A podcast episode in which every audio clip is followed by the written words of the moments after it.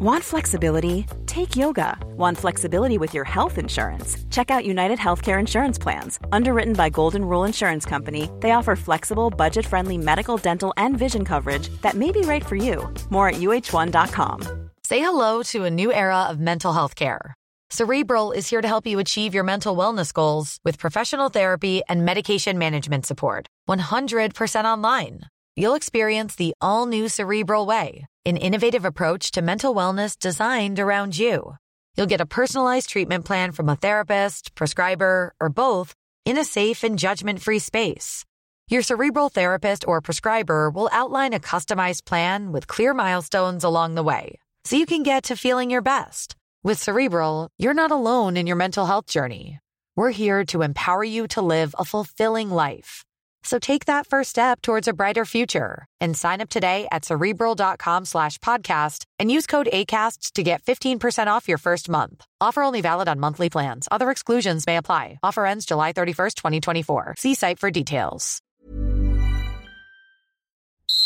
Libertad para papá! Det är spanska och betyder frihet för pappa. Det var nämligen så det stod på Luis Diaz undertröja när Liverpool-spelaren kvitterade i 95 minuten mot Luton. För ingen har väl missat att colombianens föräldrar kidnappades för en vecka sedan, att mamman är släppt men att pappan fortfarande är tillfångatagen. Att i den situationen kunna fokusera och dessutom göra skillnad i Premier League Ja, det är svårförklarat. Det oavgjorda slutresultatet var dock bara ett av alla de som gick Manchester Citys väg den här helgen. Eftersom Arsenal förlorade mot Newcastle, Aston Villa torskade mot Nottingham och Brighton gick femte raka utan vinst efter bara 1-1 mot Everton. Skulle Spurs tappa poäng eller rent av inkassera säsongens första förlust ikväll mot Chelsea så får man anse omgången som absolut jackpot för de regerande mästarna. Bortsett då att Erling Haaland vrickade foten, klev av mållös i paus och hedrade Gugges trippelbindel i fantasyn på absolut sämsta tänkbara sätt. Aplastar y agarrar! Det är spanska och betyder smash and grab. Vilket var precis det Barcelona gjorde i San Sebastian borta mot Real Sociedad. Xavis gäng var direkt dåliga, men i den 93 minuten så kunde Ronald Araujo Världens bästa försvarare, ja nu säger jag det bara, språngnicka in 1-0 och katalanerna lämnade förmodligen basken på skrikande gummi. Extra god blev nog också segern eftersom eh, Atletico Madrid överraskande redan hade torskat borta mot lilla Las Palmas och Real Madrid bara fick 0-0 mot Rayo Vallecano under sen söndagskväll. Detta innebär att Girona nu leder La Liga i ensamt majestät efter ännu en seger, den här gången borta mot Osasuna. Titelstrid? Ja, jag vet inte fan alltså. Men 10 poäng ner till femteplatsen nu. Just saying. Bayern München studsade minst sagt tillbaka efter det pinsamma DFB-pokaluttåget och Harry Kane gjorde säsongens tredje hattrick när Dortmund fick rejält med currysås på pommes fritesen från mesta mästarna Wursten.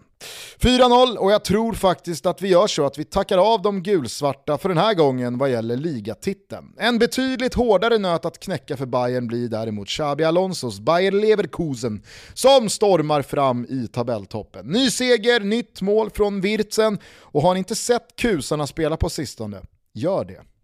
I Italien så sjöng Olympicos södra kurva in en övertidsvändning mot Lecce. Ponta Almqvists mål hjälpte föga när Sardar Asmon kvitterade och Romelu Lukaku rullade ut pansarvagnen fram till 2-1 och Romas extremt märkliga säsong bara fortsätter. Inter blev första lag att både göra mål och besegra Atalanta på Gevis Stadium. Bologna tog ännu en skalp när Lazio lades på rygg och Udinese tog säsongens första seger via 1-0 borta mot Milan Aj, aj, aj Pioli. Nu börjar goda råd eventuellt bli ganska så dyra. Tur då att det bara är PSG och killen Mbappé imorgon. Napoli hade inga problem med att besegra Salernitana och Allegris Juventus höll sjätte raka nollan när den gamla damen lämnade Franki tre poäng rikare. Någonting vi kan höra mer om strax, då Wilbur ju faktiskt var på plats. Men, hörni, nu Kyss Karlsson! Nacka strutsen och sjung allsvenskans lovsång hela vägen till den moderna fotbollens högborg. Eftermiddagen söndagen den 5 november 2023 lär för en lång framtid bli ihågkommen som de galnaste allsvenska timmarna vi någonsin upplevt. De flesta av er var med i berg och dalbanan men för er som missade kaoset så kommer här ett svep i svepet. Malmö var nämligen pressade att slå ett tröttkört vinklippt och vad gäller allsvenskan utcheckat BK Häcken på hissingen för att inte servera Elfsborg en matchboll på silverfat inför deras hemmamatch mot Degen senare under kvällen. Men nu är ju Häcken på hissingen den överlägset svåraste bortamatch man kan spela i den här serien sett till deras hemmaresultat 2023 och Malmö skulle få erfara samma knepighetsnivå som alla andra. De regerande mästarna tog ledningen men Malmö kvitterade och Martin Olsson gavs ett gyllene läge att vända på steken efter knappa timmen. Högervåfflan seglade dock över Pettan Abrahamssons ribba och istället så låg bollen i Johan Dalins nät en spelvändning senare. När sen Pontus Dabo även fyllde på med 3-1 tre minuter senare så började boråsarna ringa in sina sjukanmälan för måndagen. Partytältet utanför Borås Arena exploderade av plastmuggar som tömdes på öl i luften. Luftrunkarna intensifierades i oerhörd hög fart och textilstadens samtliga bubbelflaskor placerades på utbildning. Resten är så att säga redan choke-historia. Häcken höll undan trots att Ayamuso provocerade fram ett rött kort och sina boys ut på planen. Alexander Axén gjorde som jag, undrade varför i hela fridens namn Henrik Rydström placerat Taha Ali på kvisten från start. Nordin Gerzic, han hade märkligt nog svårt att välja glädjen efter slutsignalen, men alla vi andra fortsatte till Borås Arena där de välfyllda läktarna stämde upp i Roy och Roger har en mack ihop melodin och gjorde sig redo för klubbens första SM-guld sedan 2012. Degerfors, som parallellt med allt detta slogs för överlevnad, ville dock annat och gjorde 1-0 när Korac visade Korats. Men när Sebastian Holmén kvitterade bara drygt 10 minuter in i andra halvlek så tappade nog även de sista ljusblå skåningarna hoppet. Över en halvtimme kvar att spela. Det här kommer aldrig att gå.